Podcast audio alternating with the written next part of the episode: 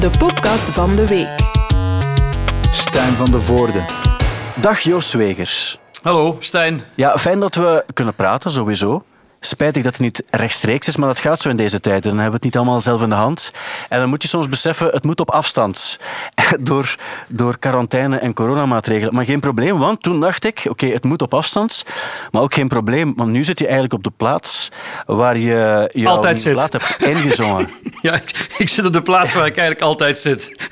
Alleen deze keer zo- zonder instrument. Ja, je zou kunnen zeggen dat is zo'n beetje zo de, de, de- Ik ga het niet de mancave noemen, maar wel een beetje de kelder van je huis. Maar het is meer dan. Het is echt Het is eigenlijk op zich een, een, een, prima home studio, denk ik. Nou, ik noem het eigenlijk mijn atelier. Ik ben... eh, ik, ik hou me ver weg van eh, technische, technische eh, zaken eigenlijk. Als ik, als ik werk, als ik schrijf, dan is het echt heel rudimentair. Oud achtrakje en hier hangen en liggen over instrumenten en ik verander mijn ruimte.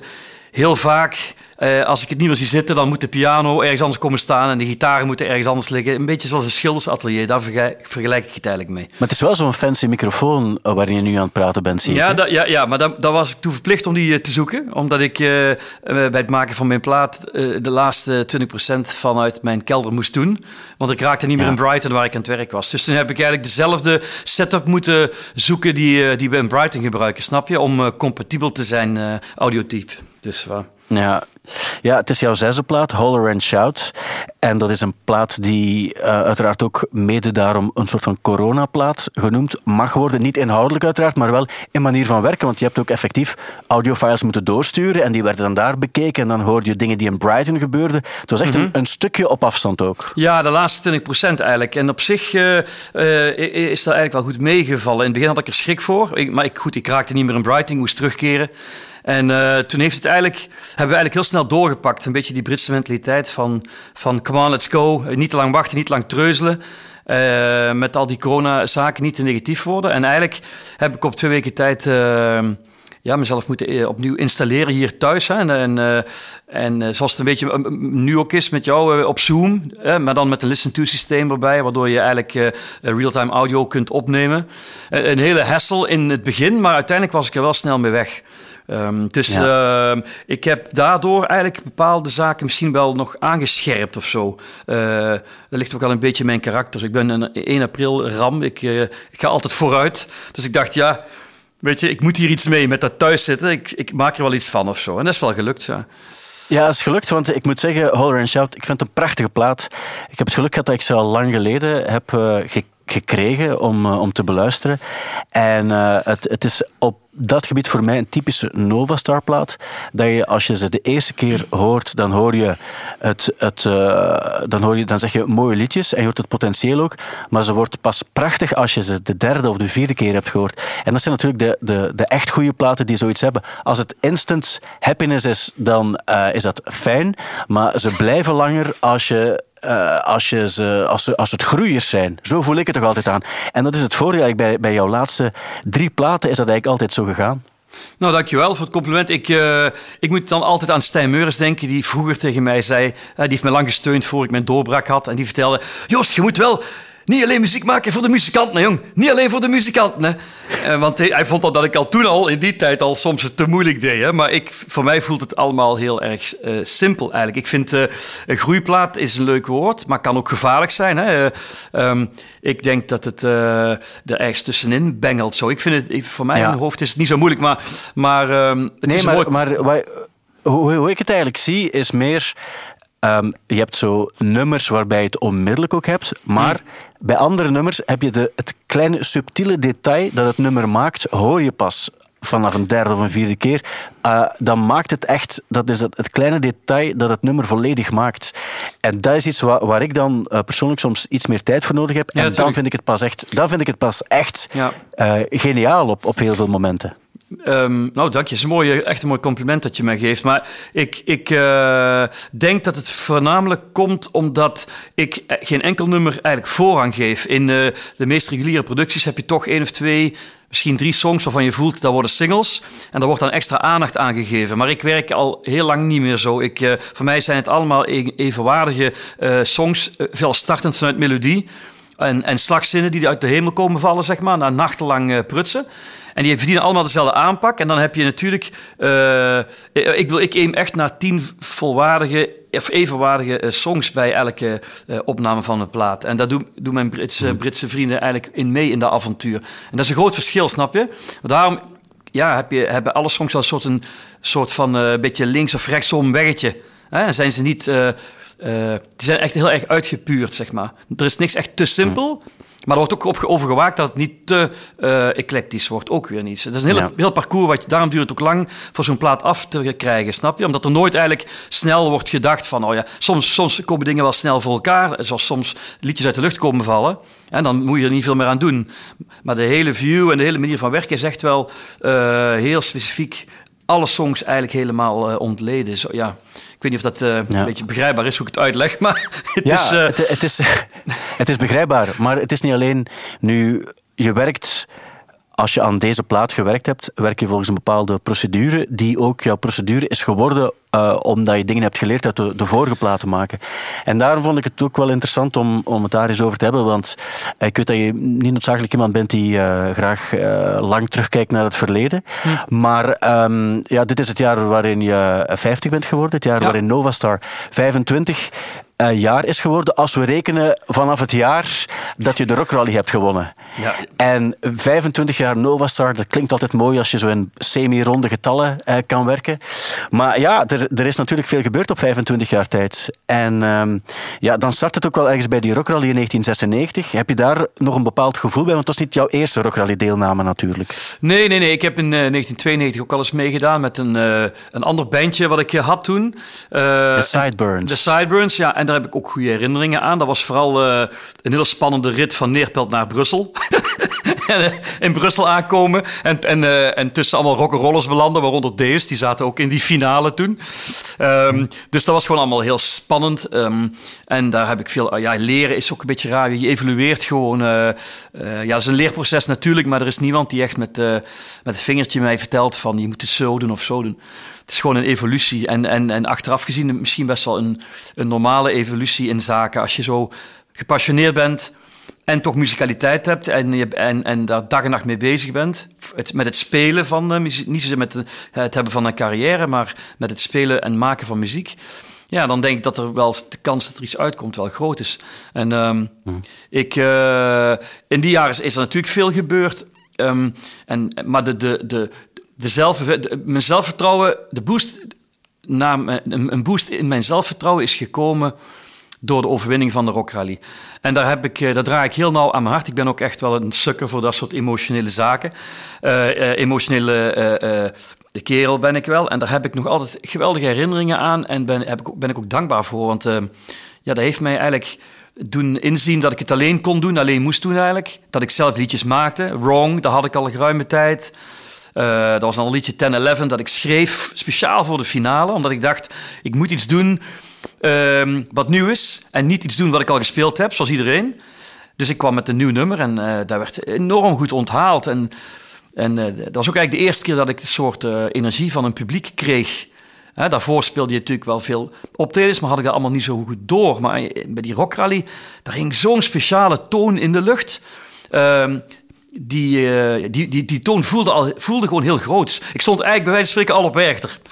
maar, dan, uh, maar dan voor 2000 mensen. Zo voelde het eigenlijk. Ja.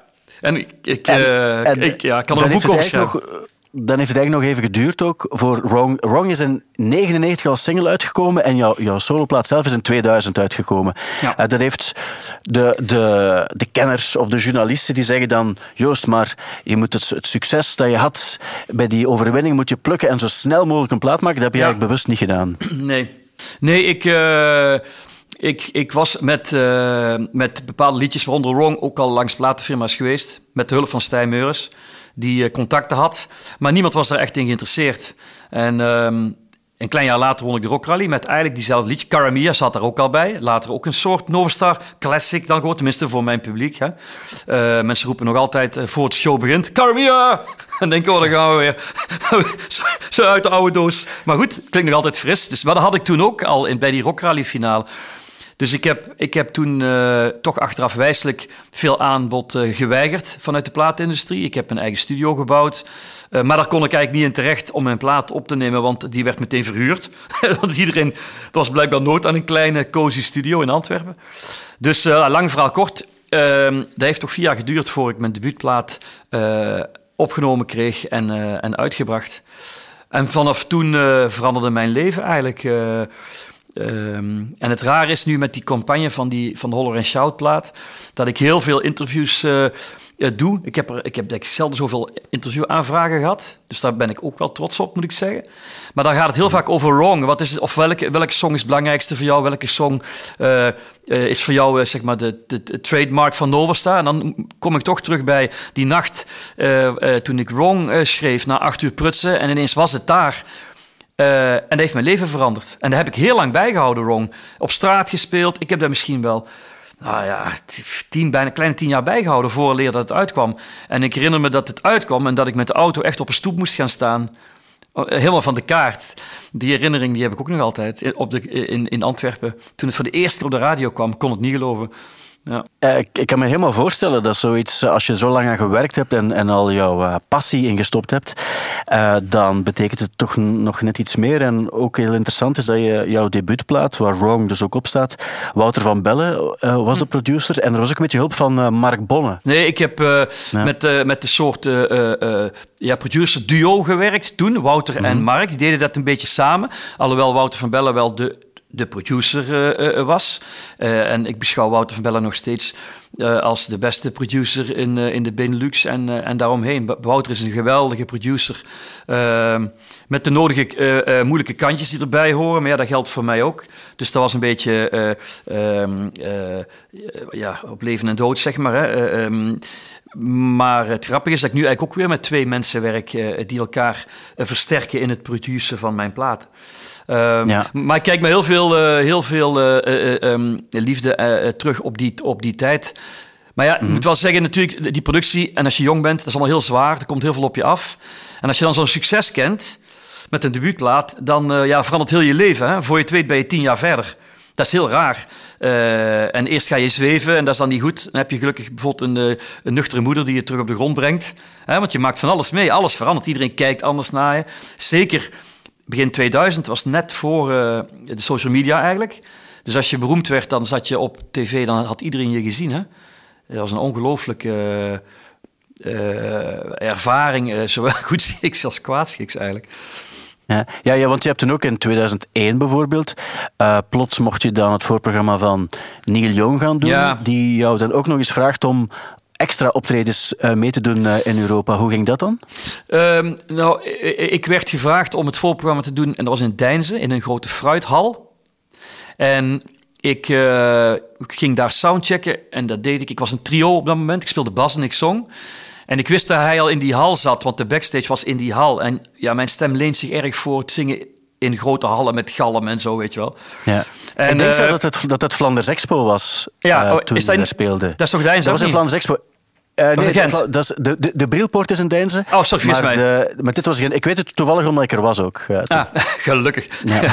geen, leu, geen leugens hier.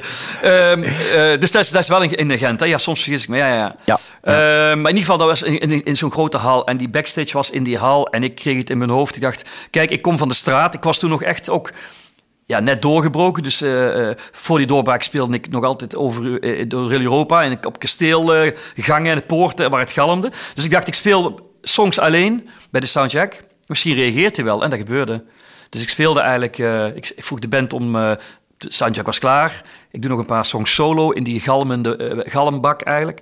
En toen stond Elliot Roberts daar met Neil Young. Who Are You? En, en vanaf daar heeft het management dan heel goed natuurlijk meteen gehandeld. Uh, en uh, ik denk dat Paul Ambach uh, daar ook nog een grote rol in heeft gespeeld. Die natuurlijk goed bevriend was met, met de entourage van Neil Young. En ik mocht de dag daarna al in Rotterdam het voorprogramma doen. Dus zo heb ik, denk twee maanden het voorprogramma gedaan. Door heel Europa. Fantastisch. Ja. ja. Jongensdroom. En Ja, dat geloof ik wel ook. En heb je dan ook uh, contact met hem of wordt hij heel hard afgeschermd? Nee, hij, hij, was, hij werd wel afgeschermd. En ik moet zeggen, wij, hadden een wij moesten meteen vertrekken, ook s'nachts, om die tour te doen. We hadden heel weinig mensen bij. Een chauffeur, uh, slash uh, front of house mixer en een rodi. En dan drie muzikanten. En ik moet zeggen, nee, hij, hij, hij hield zich heel afzijdig, behalve tegen mij. Dus ik heb daar een aantal keer uh, vrij lang mee gesproken. Ik heb ook heel mooie complimenten gekregen, die, die, die natuurlijk heel fijn zijn als je zo jong bent. En uh, Crazy Horse, dat was met Crazy Horse. Die, die, die mensen leerde ik ook kennen. Daar heb ik later ook veel contact mee gehad. Met Nico Bolas, de producer van Neil Young, die opnames deed. En... Um, Nee, dat was heel cool. Ook toen Neil Young's vrouw toekwam. En, en ja, ik heb een aantal uh, prachtige momenten in mijn hart zitten waar ik met heel, die ik echt erg koester. Ook het afscheid van Young was geweldig. Mooi, bye Joost, bye bye. Zij gingen naar Japan, daar konden wij niet meer naartoe. En uh, ik weet nog goed dat ik met hem aan het praten was en hij had mijn hand vast. En op een gegeven moment dacht ik, nu moet ik stoppen, nu moet ik weg. Dan blijft het cool. Dus zei, oh, I really gotta go. En ik ben weggelopen, omgedraaid op het einde van de kleedkamer. En toen zat uh, Neil Young met Patty, die, toen nog zijn vrouw. Uh, zaten ze arm in arm en met z'n tweeën te zwaaien zo. Bye Joost, bye bye. Toen dacht hij, ja, beter wordt het niet natuurlijk. dus, de keuze om op, op het juiste ogenblik te vertrekken. Ja, ja, ja, ja, dat had ik al wel geleerd op straat. Ja, in Nederland heb je zelfs, in Nederland heb je zelfs uh, het voorprogramma van Robbie Williams nog gedaan ook. Ja, ook ik denk zelfs in hetzelfde jaar of het jaar daarna. Ja, 2001 uh, was het ook. Ja, ja in die, maart. Uh, die hadden een, een voorprogramma. Nog vrij cool, ik ben even de naam kwijt. Met, Toploader. Ja, Toploader. Dance in the moonlight, everybody's feeling ja. warm. Ik denk dat dat... In ieder geval, die jongen die, was, ja. uh, die werd mentaal... Uh, viel die... Uh, he collapsed of zo, zoiets, denk ik. Hmm. En toen belden ze ook echt letterlijk de ochtend. en ik zei... Ja, waarom niet eigenlijk? Hè? Wij met drieën, we doen dat. Hè? En, dus, en wat ik me daarvan herinner is dat ik nog maar net aangekomen was in het Sportpaleis. Of er werd op de deur geklopt en dat was Robbie Williams en die kwam uh, mij bedanken. En die was heel sympathiek, heel klein. Maar ontzettend uh, uh, vriendelijk. En dat was ook ja, heel erg leuk. Maar ook raar, want je zit met je hoofd, we moeten straks spelen. Die, die, die, die zaal begint vol te lopen. En dan komt er ja, op dat moment misschien wel de grootste rockster van het moment. Hè? Want die was huge toen. Mm -hmm. en die had twee mooie geklede dames bij uh, misschien waren die voor mij bedoeld, dat weet ik niet. Ik heb er niet, van nieuw, ik heb er niet op gereageerd. Maar, maar dat was echt heel cool. Hij was heel cool en uh, heeft me uitvoerig bedankt om het, uh, voor het redden van zijn avondshow. Ja, daar waren zijn woorden eigenlijk. Dus, Oké. Okay. Ja. Ja, uh, daar zit je in de, die, die gigantische piek. En eigenlijk heb je die op een bepaalde manier ook wel uh, kunnen behouden. Want je hebt eigenlijk ook altijd je fans uh, gehouden. En niet veel bands kunnen ook wel zeggen dat je 25 jaar lang een trouw publiek ook, ook behoudt. Ook al waren er moeilijke momenten. Ik kan me voorstellen ja. ook dat toen je Another Lonely Soul hebt opgenomen, had je een stukje opgenomen of in, in, in, New York. En dat was niet helemaal wat het moet zijn. En dan heb je het in België gedaan. Zo, ja. ik, ik, kan me voorstellen, dan het jaar daarna kwam je val en Vorst. Ja. Die heeft natuurlijk ook je leven ergens ook, ook, wel veranderd. Dus ik kan me voorstellen, die momenten hebben het ook wel moeilijk gemaakt. Ja, maar je hebt een carrière altijd uh, ups en downs. Ja, in het leven sowieso, ook in relaties. Dat leer je later wel uh, eigenlijk. Hè? Dus, uh, en ja, wat moet ik daarvan zeggen? Ik, ik, ehm, ik heb vooral uh, erg afgezien... Nou, eerst en vooral die... Um, na die doorbraak was ik op een gegeven moment echt het noorden kwijt en voelde ik geen muziek meer. Het was te overrompelend eigenlijk. En door die Neil Young Tour, die op dat moment kwam, en ik mocht bij hem langs, uh, op podium zitten en zo tijdens die tour, ik kon er echt heel dichtbij zitten. Toen voelde ik terug de muziek, dacht ja, Neil Young die een kwartier lang één noot speelt. Dat is eigenlijk wat ik zelf ook altijd deed, weet je. Uh, zo is er zelfs Wrong ook ontstaan. Uren aan een stuk eigenlijk Major 7 spelen of zo. Dus door die tour van de Jong werd ik helemaal terug wakker. Dat was een, dat was een goed ding, echt, uh, voor mij. Um, omdat ik ook echt ja, vanuit de Beatles en Neil Young eigenlijk... Daar ben ik door muziek beginnen uh, uh, maken. Hè? Neil Young voor de vibe en de Beatles met de pop. Um, dus wat ik wil zeggen is dat er wel meer momenten waren die gewoon te overrompelend waren voor mijn gevoelige ziel eigenlijk. Want ik, ik, ik maakte eigenlijk alleen maar s'nachts muziek altijd. Hè? Dat was eigenlijk hetgeen dat ik deed. Op een gegeven moment begon iedereen zich ermee te bemoeien. Wat je moest doen, wat je niet, niet moest doen. Uh, daar, daar ben ik pas kwijtgeraakt toen ik met John Leckie ben gaan werken. Daar ben ik pas in mijn plooi mm. gevallen, omdat die mij mm -hmm. duidelijk maakte dat ik uh, uh, ja, voor, voor zijn oren een, een, uni, een, unieke stem heb, maar ook heel uniek groove op mijn akoestische gitaren. En daar heeft John Leckie eigenlijk uh, mij terug ja, geleerd van blijf, blijf dat vooral doen, want dat vind ik er zo mooi aan. Daarvoor waren, er, waren er veel fases die me eigenlijk toch een beetje in een andere richting duwden. Niet qua songschrijven, maar qua productie. Het uh, unieke aan, aan uh, John Leckie uh, is denk ik dat die man ook zoveel, of aan zoveel platen heeft meegewerkt, die ook zo belangrijk zijn geweest voor jou. En dan gaat het echt van de, de Stone Roses, Radiohead, The Verve, maar uh, ook uh, Pink Floyd en George Harrison, daar was hij ook bij toen die mannen heel belangrijke platen hebben gemaakt. En dat zijn nu toevallig, niet, niet, toevallig misschien ook, maar allemaal platen die ook wel veel betekenen voor jou. Ja, um dat niet alleen. Kijk, als je, als je echt een Beatle-freak bent... Kijk, uh, Lecky was de tape-operator bij de eerste Lennon solo-plaat. En natuurlijk, voor mij is dat dan... Ja, kijk dan hier, want ik ben echt goed bevriend geraakt met Lecky. En die heeft ook lang hier gelogeerd. Ja, toch een aantal jaar echt heel dik bij elkaar opgetrokken... tot hij ziek werd. Maar hij wist er allemaal niks meer van. Ik zei, kun je niet... Je moet toch iets weten van die tape-operator... Nee, het enige wat hij nog wist is dat hij Phil Spector een, uh, een eikel vond eigenlijk. Dat hij een hele moeilijke gast was om mee te werken. Maar voor de rest kon hij zich niks meer herinneren. Um, dus ja, Lecky is gewoon was een soort shamanistische leermeester voor mij eigenlijk. Ik ben ook altijd, nog altijd heel trots op, die, op de plaat Inside Outside die ik met hem gemaakt heb. Ondanks het feit dat dat als mijn moeilijkste plaat beschouwd wordt. Um, maar daar zit uh, heel veel, uh, uh, ja, heel veel hart, hartzeer en liefde in en, en emotie eigenlijk.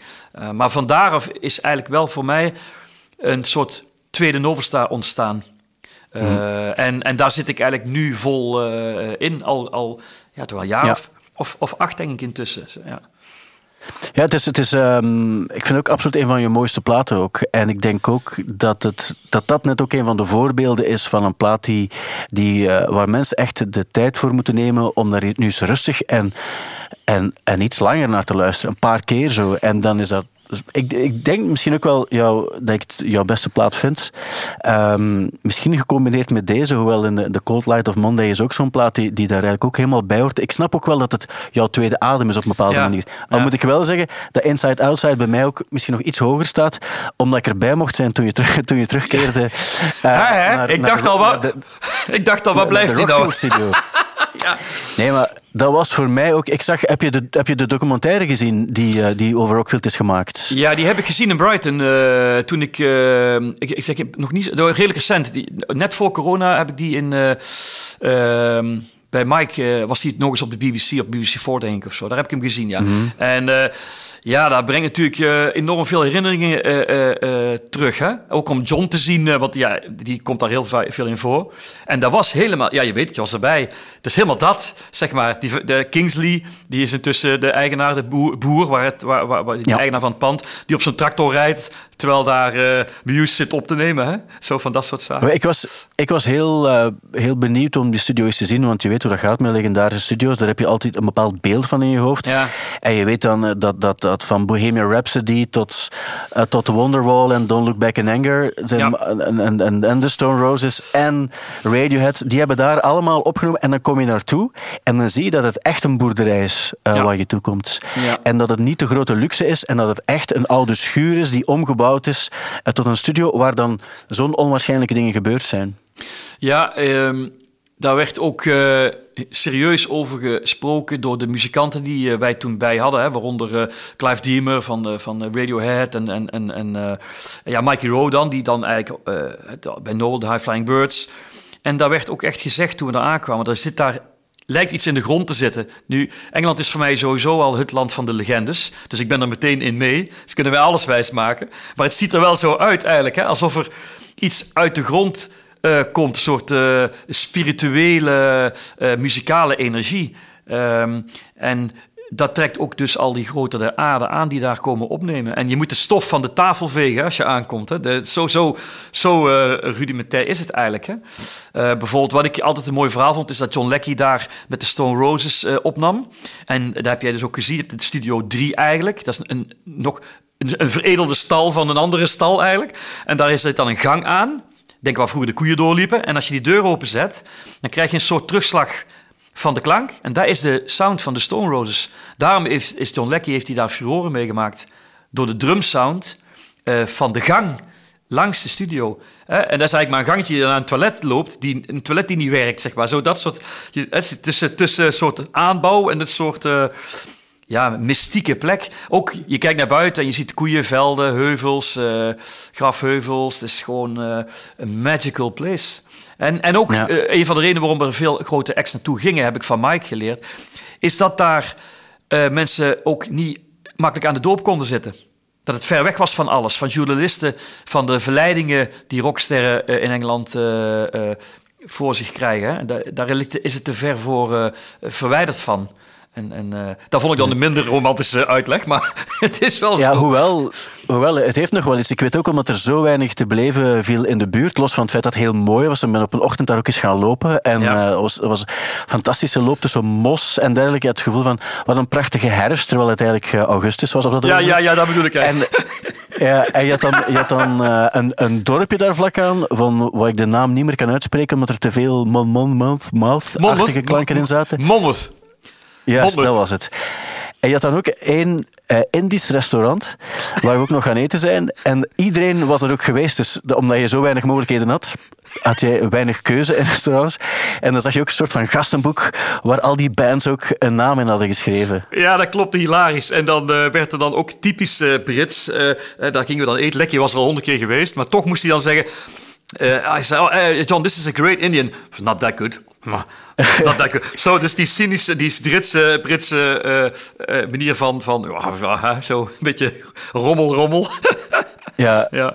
maar ook, en, en wat ik ook nog heel geestig vond in, uh, toen, is, is uh, Effectief, je zei van ja, je houdt van die mythische kant daar. We zijn toen op een ochtend ook het platteland ingereden en we hebben effectief van die uh, grafheuvels die, die uit het Neolithicum van hier ja, komen. Ja, die, ja. Die, die, en, en jullie waren er beide in geïnteresseerd, zowel John Leckie als, als jij vonden dat eigenlijk een, een, een, een soort van enorme extra ook om, om en jullie Ja. voelden daar ook iets, denk ik zelfs. Ja, weet je, dat is eigenlijk een van de redenen waarom het zo goed klikte. Wij hebben echt heel snel een soort vriendschap gekregen. Want ik herinner mij dat ik dus met John afsprak in Londen. Hij, hij belde mij, vroeg mij om naar Londen te komen. En we zaten in een klein uh, restaurantje of barretje. En uh, om een van de redenen was het na vijf minuten duidelijk dat we allebei dezelfde historische passie uh, hadden. En dan is het ook nog heel specifiek. Neolithicum, daar spreek je zeg maar 6000 jaar voor Christus tot 4000 jaar voor Christus. Hè. En wij zijn eigenlijk begonnen met... Uh, hij, hij, had meteen het idee van, kijk, we moeten studio's uitkiezen. We gaan sowieso samenwerken, zei hij. Dus ik, huh? Dat was al duidelijk. Maakt niet uit, with or without label, we're gonna do it. I just loved Closer to You. He just loved Closer to You. Dat was gewoon het gegeven. Hij zei, ik moet met jou werken, close to you. Dat was het. En uh, ik krijg nog kippenvel van, eigenlijk, als ik het nu vertel. En hij zei, weet je wat we gaan doen? Kom volgende week terug. We gaan alle grote studio's in heel Engeland af. Want we gaan, ik kom overal binnen. Kun, kun je eens kijken waar je wil werken. maar we gaan dat wel in combinatie doen met alle Neolithic sites. En veel van die sites kende ik nog niet. Dus we hebben gewoon uh, weken door Engeland gereden. Helemaal to, up to Liverpool. Uh, en alles bezocht wat, wat hij vond dat ik moest zien. Ah, waanzin. Kenneth Longbarrow, uh, Avebury. Uh, goh, jongen, kan een heel boek schrijven. En dan ben ik ook nog door hem eigenlijk ook nog naar, naar de Orkney Islands afgereisd. Want hij kon niet mee. Maar hij vond wel dat ik daar ook nog moest gaan voordat we zouden beginnen. En dat heb ik ook gedaan. In mijn eentje, uh, Orkney Island. Ja, ik heb er geweldige, geweldige tijd mee gehad. En ook... Um daar zijn we ook nog geweest, de Doghouse. Ja. En, met, uh, en Hen Henley on Thames. Hen dus de plaats ja. waar, waar, waar, waar uh, George Harrison uh, zijn, zijn huis ja. en bijhorend park ja. had.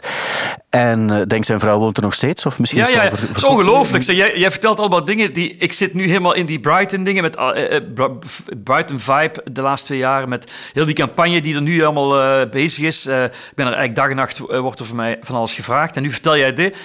Het is niet dat ik daar vergeten was, maar ik zie meteen die herinnering van Henley on Thames. Uh, ja. Daar heb ik lang niet aan gedacht. Aan, aan, de, aan de Thames eigenlijk. In het uh, huis van de drummer van Jethro Tull. Die daar een ja. klein studiootje uh, had. De Doghouse. De Doghouse. De Doghouse. Daar, daar heeft Amy Winehouse haar laatste, de laatste weken doorgebracht eigenlijk. Voordat ze in rehab gingen. Dan, ja. ja, daar heeft ze ja. laatste... Met Mike Ronson heeft ze daar nog opnames gemaakt. ja. Ja. Ik, ik weet ook dat Jake Buck daar net opgenomen had of demo's had gemaakt, denk ik. Die was er toen de week daarvoor nog geweest, dacht ik. Dat, dat er... Ja, en op zich, het ziet er ook allemaal heel gewoon uit. Het was een heel mooi huis en een prachtige omgeving sowieso. Maar je ziet dat die mensen uiteindelijk, ook, ook al zijn het dan de, de wereldsterren, of misschien moesten ze op dat ogenblik nog worden, maar die wilden eigenlijk ook een soort van gezelligheid, uh, leek, leek, mij op dat ogenblik. Ja, ja en dan niet alleen ehm, gezelligheid, maar, maar, je, maar je denkt altijd dat die Britse grote extra, oh, geld speelt geen rol. Hè? Maar dat is eigenlijk niet waar. Die, die, die, die zeggen van, kijk, we, we willen lang uh, werken, lang prutsen. En Doghouse is een iets goedkopere plek om te werken, maar wel heel leuk. En je wordt heel goed ontvangen, maar dat is niet echt een studio-studio. En dan zie je dat veel van die mensen liever daar lang gaan zitten, dan heel veel geld uitgeven in een grote studio. Dus het is niet zo dat elke grote uh, geslaagde act zomaar geld door het raam gooit uh, om hun werkprocedé zeg maar, te volgen. Dat is helemaal niet waar. Mm. Maar de Helion Thames, hoe toevallig kon het zijn dat daar dan ook net Harrison om de hoek woonde. Hè? En elke keer als ik dat dan daar zei, als Beatle-fan, Barry heette de, heette de eigenaar. Dan kreeg hij tranen in zijn ogen, want die had dan nog een ukulele van, van Harrison gekregen. Die kenden elkaar heel goed. Die woonden gewoon bij elkaar aan de Thames. Hè? Dus zo, zo, zo normaal worden, worden sommige zaken dan ook. Ja, natuurlijk is het normaal. Hè? Maar je kijkt er enorm naar op, maar eigenlijk is er gewoon een bloke die heel vriendelijk was, womanizer was, maar wel heel, uh, heel giving eigenlijk. Ja, mooi om, te, om, te, om uit de eerste lijn dat te horen dan natuurlijk. Hè. Ja, het was een, eh, een, een, fantastische, eh, een fantastische plek sowieso. En ja, nu gebeurt het vooral in Brighton, dankzij Mikey Rowe, die je wel hebt leren kennen door, door John Leckie. Ja. Hij is effectief de man die nog bij Oasis gespeeld heeft, ja. maar nu ook deel uitmaakt van de High Flying Birds. En ik denk ook wel... Al heel lang, um, van het begin. Hij is van, de, van, van het begin van het begin erbij gevraagd om uh, ook als MD, uh, musical director, te functioneren. Eigenlijk is Mike de eerste die uh, Noel gebeld heeft toen hij een nieuwe band startte. Ja. ja, en ik, ik kan me ook wel voorstellen waarom. Hè? Want uh, zoals jij er ook over spreekt, het is sowieso een, een heel uh, aimabele man. Denk ik ook een heel grappige kerel. Ja. En denk ook iemand waar je, als je meeneemt op tour, ook bijna geen last mee kan hebben. Nee, maar ik denk dat iemand die daar last uh, uh, veroorzaakt, die wordt snel buiten gebonjourd, uh, vrees ik. Want dat is wel een heel serieuze wende. Als je de wereld rondtrekt, heb ik wel geleerd dat het allemaal wel heel erg afgeleid en serieus is. zoveel mm -hmm. komt daar niet aan, aan, aan, voorbij. Maar wat vooral Mike tekent, is een, ja, waar we erg in overeenkomen, is is een werkattitude, zeg maar. Hè? Echt ergens voor gaan, afgeleid. Daar waar ik eigenlijk heel emotioneel ben, dag en nacht is hij ook dag en nacht, maar wel veel afgeleider pragmaticus. En dan moet hij ook zijn als MD of als producer, snap je? Dus wij, wij zijn heel compatibel uh, aan elkaar. Hij heeft gisteren nog gebeld, omdat hij weer twee nieuwe ideetjes echt heel mooi vond. En hij wil dat ik in december al uh, terug afreis naar Brighton, wat ik natuurlijk ga doen. Uh, dus zo blijven elkaar opnaaien. Wij, zijn, wij naaien elkaar op eigenlijk. Dus het is echt wel de perfecte situatie voor mij. Ik vond het ook heel mooi. Um, deze zomer uh, hebben jullie ook samen gespeeld. Ja. En dan uh, had denk ik ook dat het voor hem wel interessant was om te zien hoe jij werkte in, eh, in België. Hoe de mensen reageerden op bepaalde nummers die jij misschien niet zo goed uh, kende. En ook hoe belangrijk hij het vond dat je, dat je live ook het misschien wat anders zou aanpakken. Dat, dat, dat je het meer uh, volgens een bepaalde structuur, zoals hij misschien gewoon was bij, bij Noel, dat ja. de nummers meer een, een, dat je moest vasthouden aan, aan een bepaalde structuur. Hij vond dat, leek, leek mij heel belangrijk. Ja, hij, hij had mij natuurlijk nooit echt live, live gezien. Dus toch live spelen voor een publiek is anders dan in de studio live performen. Uh, had natuurlijk wel uh, al die jaren dingen gecheckt via, via het net en zo. Maar echt het voelen. Bij mij is het echt van het voelen. Als je langs mij, ja, dat weet je wel. Als je langs mij staat, er gebeurt echt wel iets. Het is een heel energiek. Uh, en bij die oude songs, zeker omdat het solo-shows waren, ja, ben ik wel vrijer. Hè? Maar bij de, de nieuwe plaat en de, en de, en de pre-productie van de nieuwe plaat uh, voor live, dat hebben we hier in de kelder gedaan, heel recent. En daar is, uh, hebben we wel alles afgeleid, zeg maar. En dat is wel heel dankbaar, dat heeft hij heel goed gedaan, omdat we uh, eigenlijk met, met maar één try-out een mooie Paradiso en een mooie AB hebben gespeeld. En succesvolle shows die muzikaal heel strak zaten. Terwijl je eigenlijk, we hadden eigenlijk na heel weinig voorbereiding. En dat kan hij goed. We hebben hier een week in de kelder gezeten op laag volume. En toch zo'n energieke show kunnen zetten. En dat is waar hij heel goed in is. Snap je? Hij weet heel goed dat te sturen. Terwijl ik ben een song al aan het herschrijven, nog voor die klaar is eigenlijk. Snap je? En dan, en dan heb ik mensen zoals Mikey Rowe, die dat eigenlijk uh, mij stoppen op het juiste moment. Maar het Ja, je samenspelen... hebt gewoon ook iemand nodig die, eh, die je kan vertrouwen, neem ik aan. Iemand Ja. waarbij je weet, eh, als hij iets zegt, eh, dan is dat uiteraard zijn mening, maar het is een betrouwbare mening. En Ja. je kan daar op dat ogenblik ook wel... Ja, je hebt af en toe een klankbord nodig, hè? Ja, weet je, omdat hij... We hebben hetzelfde muzikaal kloppend hart. En, daar, hè, dat, is, en dat, is, dat is vertrouwen. Eh, met je vrouw, weet je, of in, in een relatie... dat je heel straight moet zijn, dat hij ups en downs heeft in de relatie... maar dat het wel hetzelfde kloppend hart heeft. En daar heb ik muzikaal met Mike. Ik hoef niks uit te leggen. Hij hoeft niks uit te leggen. En het enige wat ik wel mooi vond, is dat hij inderdaad heel erg enthousiast werd... En, en positief verbaasd was toen we onze eerste solo-show samen gedaan hadden. Want ik ga natuurlijk als een speer vooruit. En hij is meer gewend van op klik met Nobel. Dus dat is allemaal iets afgeleider, hè? Ik, ik zette daar al meteen de sprint in. En, oh, oh, oh. Ja, maar goed, ook dat is heel leuk, hè? Enthousiasme is het mooiste wat er bestaat. Twee kleine jochies op een podium, zo is het dan, hè? Dat, dat Ja, gevoel- en dat is mooi. Dat, dat, dat gevoel wil je ook hebben hè, na, na Ja. 25 jaar. eh, dat, je, dat, je, dat je het gevoel hebt dat je altijd iets nieuws doet. Iets, iets, fris, Ja. eh, iets fris aan het doen bent. Ja, maar dat doe ik ook wel echt. Ik zoek daar ook wel naar. Eh, Tenminste, ik ben snel verveeld. Ik zal niet snel een kopie van iets maken. Of ik heb wel een, mo- een moment gehad in mijn carrière dat ik veel te ver ging in het veranderen van zaken. En ik, heb, eh, ik kreeg een nieuwe management op een gegeven moment. Ik heb een soort restart gedaan. En mijn nieuwe manager zei: speel nou eens je oude songs een keer zoals ze zijn. Doe mij dat plezier eens. En dat heb ik gedaan. En vanaf toen eh, kreeg ik ook weer meer aanhang, waar. Ik was te ver gegaan in het verjazzen van, eh, van melodieën en zo. Het slechtste wat je kunt doen. Zeker als je songs goed zijn zoals ze zijn. Want eh Wrong is nog altijd op de radio. Als ik in Nederland kom, zijn, zijn- is al derde generatie die mij aanspreekt over Wrong. Kun je dat geloven? Dus ik geloof het zelf zelfs niet. Dus dat wil zeggen dat die songs echt sterk zijn. Dan mag je vooral niet coupletten en refreinen gaan herschrijven, zeg maar. Dus daar ben ik gelukkig mee gestopt. Ja. Ja. En nu, eh, ja, nu, nu is die plaat er ook. En eh, dan ben je ook onmiddellijk weer aan het denken aan de volgende plaat. En dat maakt het ook interessant dat je het, het, het vuur op die manier eh, voelt branden. Ja, maar daar doe je niks aan. Hè? Het is, ik heb fases gehad waarin dat ik niks voelde. En eh, dat maakte mij heel depressief. Of het was omdat ik depressief was. Na de val vooral, na mijn zware ongeluk met mijn voet... heb ik echt eh, veel langer dan dat ik het toen door had... heb ik gesukkeld, mentaal ook. En daar ben ik eigenlijk ook pas echt vanaf sinds ik in Engeland ben.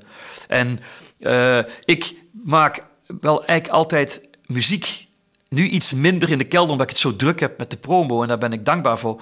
Maar eh, toen ik hier zat te wachten op jou, heb ik toch wel, eh, omdat ik mijn computer helemaal moest opnieuw installeren, heb ik toch wel even op mijn eh, Martin, toch even, ja, misschien wel een ideetje gevonden. Misschien, ik- meestal is het niks. Maar, maar als ik heel veel maak, is er 5% dat top is. En daar ga ik dan mee verder.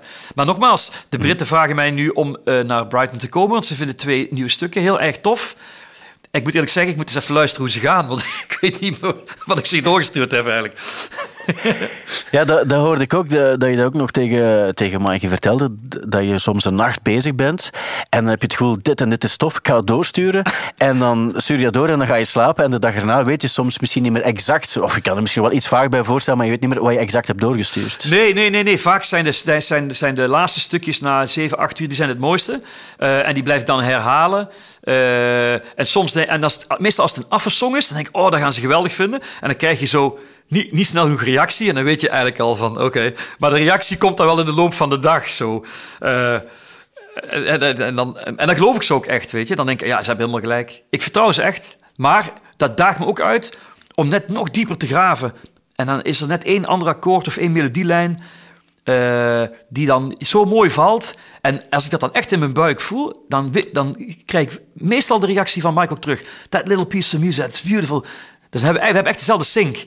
Als ik het voel, kijk, I've waited for this moment, my heart moving on. Dat, dat stroofje kwam eruit. Ik stuurde naar hem s'nachts en ik wist, die gaat het te gek vinden. En dat klopte ook. Ja. Dus als Ja, het echt... dus je echt- voelt- Ja, we hebben diezelfde muzikale ja, sync. Misschien ook door de leeftijd of waar we van komen, eh, wat er, waar, je, waar je mee opgroeit. Mm, Ik bedoel, ik heb het vooral over hoe, wat, hoe de melodieën je kun- kunnen raken in, in, in, je buik. Je daar echt een hele lekker gevoel bij. Soms de verhouding tussen een couplet en een refrein. Dat dat zo, als het heel goed valt, bij mij is dat pragmatisch, niet pragmatisch. Het komt of het komt niet. Maar als het komt en het versterkt elkaar, dan kun je daar heel tijd opzetten. En denk oh, dat is mooi. Alsof het van iemand anders is. En dan, daar haakt hij echt wel op in. Hij is eigenlijk even streng als ik ben. Soms nog strenger. Maar Maar zeker zo streng als ik ben. Terwijl ik denk dat heel veel mensen al dingen zouden gebruiken. Ik heb echt wel mooie dingen liggen waar mensen naar vragen. Mag ik dat niet gebruiken? Nee, nee, nee, nee, nee. Ik vind het niet goed genoeg. Niet, snap je? Mijn kelder ligt eigenlijk vol. Maar dat bepaalt ook je carrière. Hoe ver ga je? Snap je? En ook omdat ik zo diep graaf met Mike, kan ik die songs ook jarenlang spelen. Dat, snap je? Ik raak ze nooit beu. Home is not home vind ik altijd prachtig om te spelen. Er is heel veel werk ingestoken. En, en, en, dat, en dat blijft eigenlijk even fris voor mij als performer. En dat vind ik vooral het belangrijkste. Snap je? Dat je niet iets moet doen waar je denkt van... Oh, shit, jong. Mm. Voor deze plaat, hoeveel nummers heb je dan gemaakt? Of zijn alle nummers die je dan waar je aan begint en ernstig aan begint en ernstig aan werkt, zijn die dan allemaal op de plaat gekomen? Of zijn er ook nummers die, die wel ongeveer afgewerkt zijn en die het niet gehaald ja, hebben? Ja, ja, ja. Ik denk dat we uiteindelijk van de, van de schrijfselectie hadden we er... Uh, uh, even kijken, uh, twaalf, maar dat waren twee ideeën die niet, er niet uitkwamen. Tien bleven er over. Daar waren twee, achteraf gezien, twijfelaars bij. Die we eigenlijk niet echt door hadden. De eerste twee die we opgenomen hadden eigenlijk, of in de beginfase. Nee, Wildjes was de eerste, die, die hebben we altijd goed gevonden. Dan kwamen er twee andere, die zijn afgewerkt, klaar voor de plaat. Dan kwam corona, dan heb ik thuis eigenlijk nog wat doorgeprutst. En dan kwam Deep Party Eyes en vooral Velvet Blue Sky. En, en die zijn dan op de plaat gezet. Die hebben we dus op afstand opgenomen. Die zijn op de plaat gekomen. En er zijn twee andere afgehaald. Uh, dus, en en dan het rare is, ik vind dan de Velvet Blue Sky is voor mij uiteindelijk een beetje het kloppend hart van de plaat. En, ja. Ja, en, en, en, en tijdens de twee jaar werken aan de plaat was het eigenlijk altijd Wild Years. Wat ik ook nog wel top vind. Dat was ook de titel van de plaat eigenlijk, de werktitel.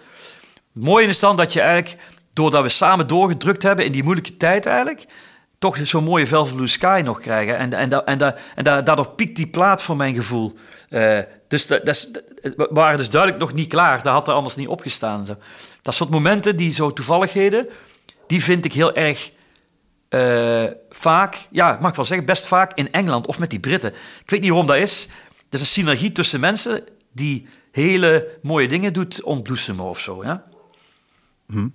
Want ja, het is opvallend dat net die twee nummers, die ook de, de eerste twee singles, of de eerste twee nummers zijn geweest die de mensen te horen kregen, dat je die dan eigenlijk nog in een tijd hebt gemaakt waarvan mensen zeggen van ja, als je inspiratie wil opdoen, moet je ook wel iets kunnen beleven. En dat is niet het geval in een coronatijd als je niet op pad mag en als je niet naar Engeland kan en, en naar andere plaatsen kan gaan waar je net die inspiratie opdoet. Dus wel opvallend dat het dan toch zo is gebeurd uh, bij jou.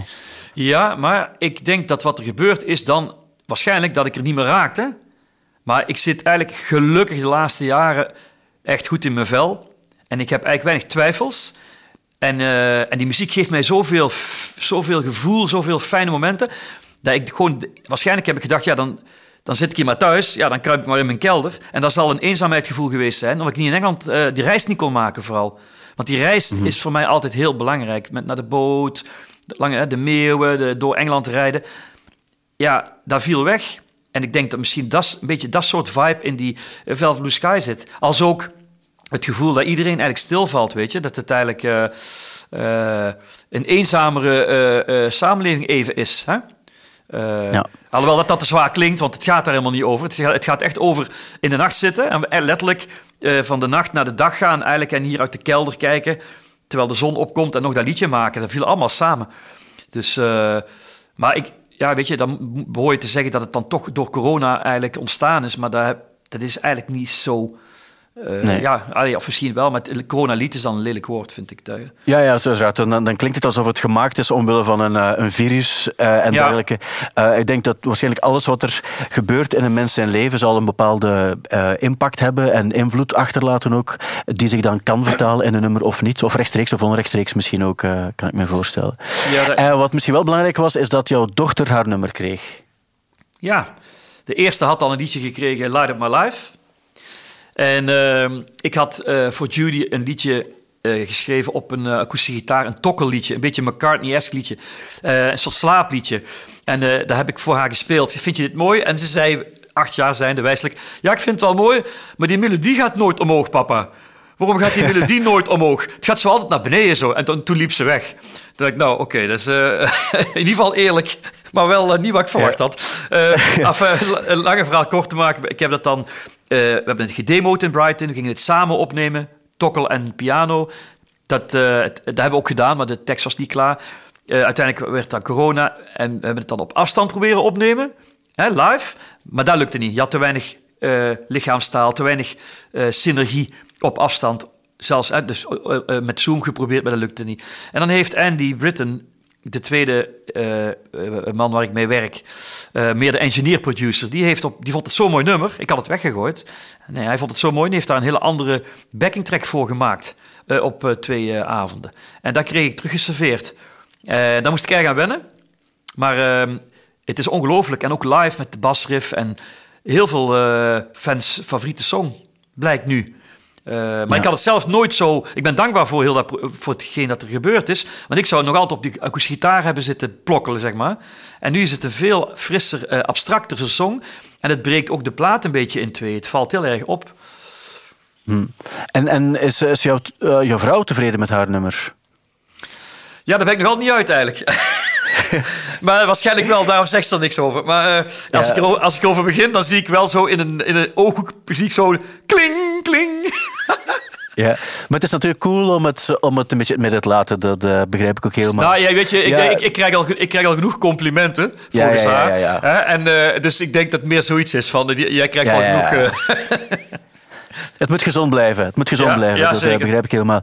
het, um, ja, het enige waar ik, nog, waar ik het nog even over wil hebben, Joost, voor ik jou andere interviews laat doen waarschijnlijk, is... je zei het net ook al, toen het over het nummer uh, voor jouw dochter ging, zei je Paul McCartney-achtig. Ja. Uh, en um, ja, dus je hebt nu zijn, zijn boek dat uit is, Lyrics, met 154 ja. liedjesteksten.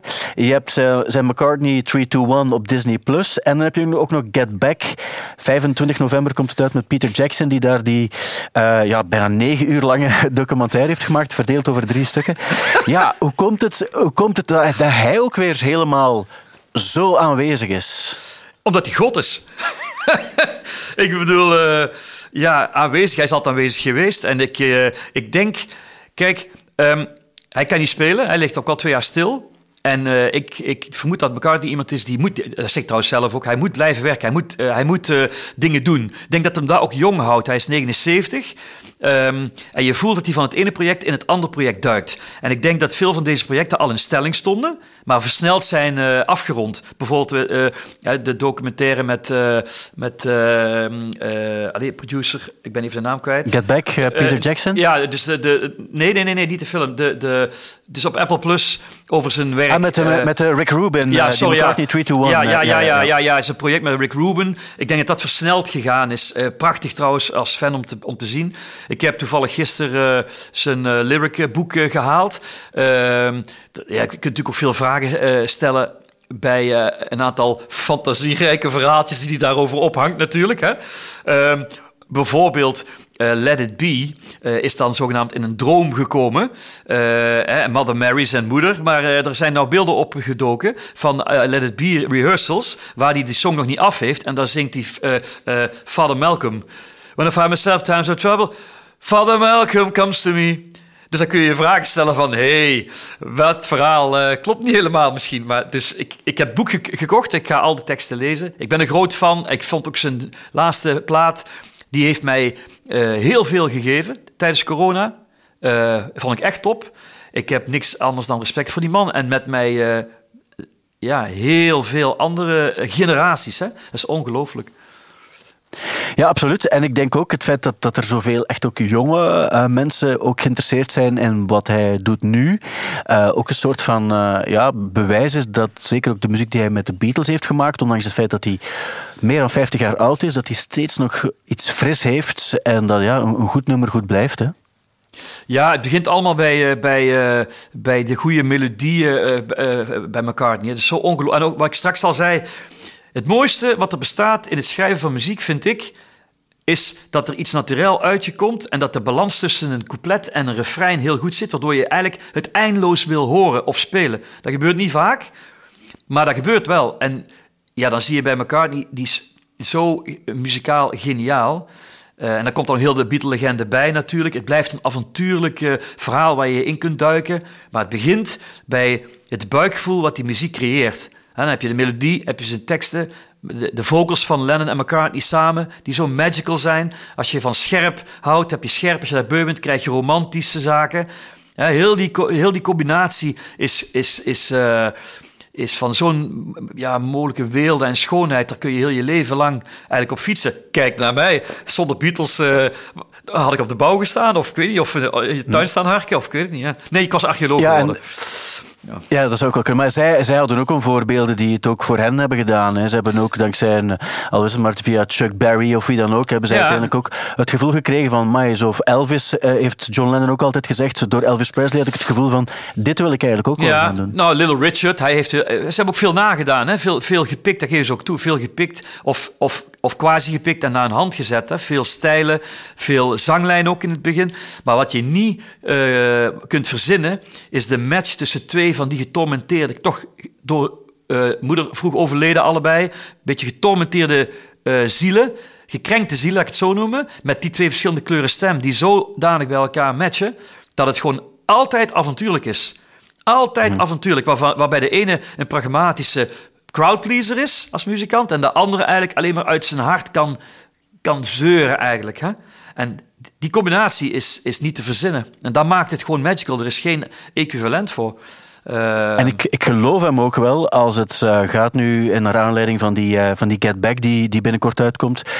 Um, in interviews heeft hij het ook nog eens duidelijk gezegd. Ja, vooral duidelijkheid, de reden waarom de Beatles uit elkaar gegaan zijn, heeft meer te maken met John Lennon dan met mij. En ik geloof ook wel dat de, de, de mix was belangrijk van de twee. Maar ik geloof wel dat, dat hij zo lang mogelijk heeft geprobeerd om die band wel samen te houden. Omdat dat gewoon zijn karakter ook is. Ja, hij zou nooit gestopt zijn. Hij heeft het ook altijd blijven verdedigen. Trouwens, hij is al van midden jaren 60 de, de, de, de, de, de pusher hè, voor die band. Hè. Uh, Harrison is ook al een keer uh, weggelopen. Uh, Ringo Starr had het ook wel eens gehad. Die waren ook lang niet zo ambitieus als Paul McCartney is geweest altijd. Paul McCartney is de meest ambitieuze en de meest workaholic. En wilde altijd van project naar project, toen al. Ja, en dan zie je ook dat dat gewoon ingebakken zit in hem. Maar je kunt niet echt uh, in zijn ziel kijken. Uh, het gaat ook. Het heel rare van elkaar is bijvoorbeeld dat ik daar vaak geëmotioneerd door ben geweest. Hè? En nog. Maar. Uh, maar dat het nooit over hem gaat. Je denkt, oh, die man die moet een gebroken hart hebben, want misschien Linda of ik weet niet wat dat is. Maar het gaat nooit over hem. Terwijl Lennon zingt Mother, you had me. Maar Lennon zingt altijd over zichzelf, dus het is heel kwetsbaar. McCartney stelt zich nooit kwetsbaar op. En dat is voor, voor mij nog hetgene wat ik, wat ik niet kan graspen eigenlijk. Ik probeer nog altijd uit te zoeken, hoe kan het zijn dat ik ween bij bepaalde McCartney-songs? En ook over die teksten. Terwijl hij het eigenlijk gewoon zingt als een soort fantasietje. Dat is raar, hè? Je zou denken, ik ben mm geëmotioneerd omdat hij het uit zijn hart iets kwijt moet. Maar dat is helemaal niet zo. Hij praat niet zo, hij schrijft niet zo. Dat is raar. Ja, hij, hij, praat natuurlijk niet zo, dat klopt ook. Je hebt altijd het gevoel dat je zo, ik denk ook heel veel van die verhalen bij nummers, dat je die misschien na een tijdje zelf is gaan geloven, omdat het echte verhaal misschien niet zo spannend is. Maar ik heb wel het gevoel dat de manier hoe hij is, ik weet het uiteraard niet, maar je hebt soms het gevoel dat je naar een robot aan het kijken bent, maar je weet dat er in werkelijkheid wel iets echt achter zit ook. En misschien maakt hem dat ook, dat ook net mysterieus, dat achter zo het, het eh, gemakkelijke showbiz-figuur, zoals je hem soms ziet in, in, interviews, waarbij exact doet wat je, wat je als een goede gast ook moet doen. Maar je weet dat er wel een echte mens achter zit, die ook wel veel miserie. En het is zelf door een boek dat jij me uitgegeven hebt over Paul McCartney in de jaren 70, die uh, Man on the Run, ja. uh, dat je eigenlijk daarin exact leest hoe hard hij heeft afgezien na die split van de Beatles. En dan, dan weet je ook wel dat, dat, dat, dat, dat zo de, de, de, echte mens, Paul McCartney, ook zijn, zijn miserie heeft gekend, zeker in die periode. Nee, dat klopt wel. Maar ja, dan is nog, dat is nog altijd iets anders. Als je zoiets meemaakt en creëert, zo, zo je droom waar maakt, wereldfaam hebt, ja, dat je daar van slag bent. Dat is uh, uh, natuurlijk logisch. Alhoewel hij uh, sneller dan dat hij eigenlijk claimt, alweer bezig was met volgende projecten. Je hebt zo'n beetje die mythe dat hij in zijn boerderij heel lang heeft gezeten, zelfs aan heroïne, drank en dat Linda hem gered heeft. Maar blijkt nu dat het eigenlijk maar een maand geduurd heeft. Dus dat wordt allemaal een beetje gecultiveerd.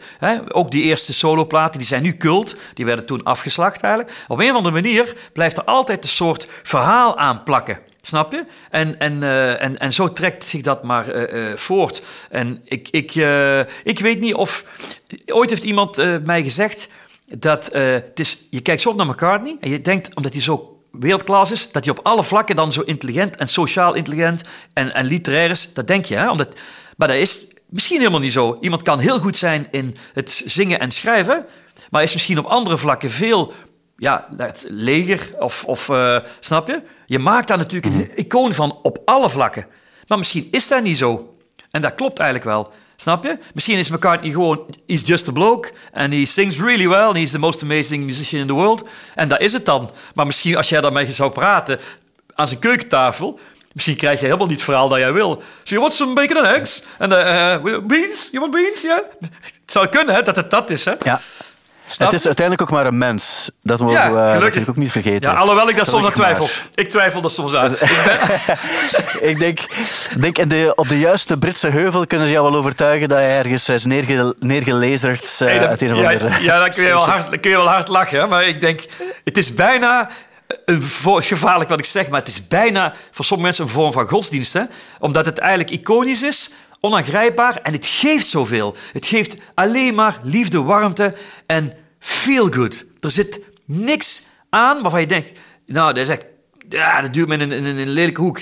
Het is zo'n weelde voor de wereld. Onbetaalbare, uh, uh, ja, onbetaalbare shamanisme is het gewoon, vind ik. Als je het nog altijd nu bekijkt. Hè? En daar vind ik er zo mooi aan. Wat zou de wereld zijn zonder McCartney, man? Ja, wel, het, het, zou helemaal anders zijn. Maar uh, je mag je eigen impact op dat ogenblik, uh, op dat gebied ook niet uh, vergeten, Just, want je hebt de mensen ook al heel veel gegeven en daarom... En McCartney ontmoet. Daarom, en je hebt McCartney ontmoet ook, dus juist aan, aan een... aan een het was in Engeland, denk ik, hè? Toen je ja, ja, Londen. Ja, ja, in Londen. Ja.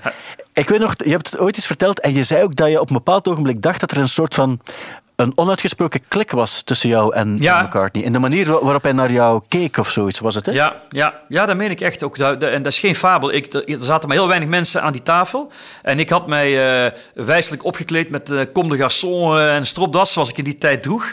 En je straalt een soort muzikaal enthousiasme, je, jeugdigheid uit. En dat was volgens mij te zien. En hij kwam binnen. En hij, ja, hij was een aantal keer echt een, een sink en een langere blik. Maar ja, er zaten misschien vijf, zes andere hele duffe uh, journalisten bij. Dus het, en ik zat natuurlijk als, als, als uh, ja, op zijn Joostie, zeg maar, een beetje net, nog net niet over de tafel gekropen. en ik heb ook heel stout mijn vraag eerder gesteld, wat niet mocht. Omdat ik moest en zou met hem praten. Ik denk, als ik het nu niet doe, gebeurt het nooit.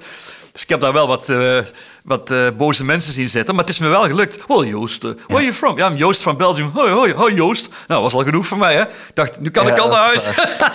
ja. toen, toen, was er gebeurd wat er moest gebeuren. Maar ik wilde zeggen dat jij dus zelf ook de verdienst hebt gehad. In 2005 stond je op de plaats 189 in de lijst van grootste Belgen aller tijden. Oh ja? Toch niet slecht? Nee, helemaal niet. Voor een, een, een, een manneke die uh, in de eerpad uit het raam Tuurlijk. stond te kijken met zijn gitaar. Ja. En dat is intussen ook al uh, meer dan 15 jaar geleden. Dus wie weet waar je nu staat uh, met alles wat je uh, nou. de mensen al gegeven hebt. Joost, gefeliciteerd. Dat is het belangrijkste met jouw nieuwe plaat, Holler and Shout. Heel Dank. mooie plaat. Mensen kunnen dat beluisteren. De tip die ik er nogmaals bijgeef is, doe het als je een lange rit moet doen. En luister dan aan een, aan een luider volume en in de auto en liefst drie keer naar elkaar. Zo vond ik het fantastisch. En de derde keer is het nog beter dan de eerste keer. Dat is mijn, uh, mijn tip voor de mensheid. Joost, dankjewel om, uh, om op afstand ook te willen, ook te willen praten. Ik hoop en, dat, het een uh, beetje, dat het een beetje vlot het is. Het is toch weer... Ik zit hier te kijken alsof ik een gitaar opneem. Zo ziet het eruit. Maar, en aan de andere kant zie ik jou. En ik denk dat wel... Dat, ik vond het in ieder geval een leuk gesprek. Dus bedankt, Stijn. Ik, ik vond het ook absoluut. En dankjewel om dat te doen. Heel veel succes nog bij de volgende plaats. En graag tot snel. Oké. Check ook onze andere podcasts, zoals Thank You Boomer, waarin Thibaut Christiaanse uitzoekt of een bepaalde artiest wel echt tijdloos mag worden genoemd. Nu in de Stubru-app.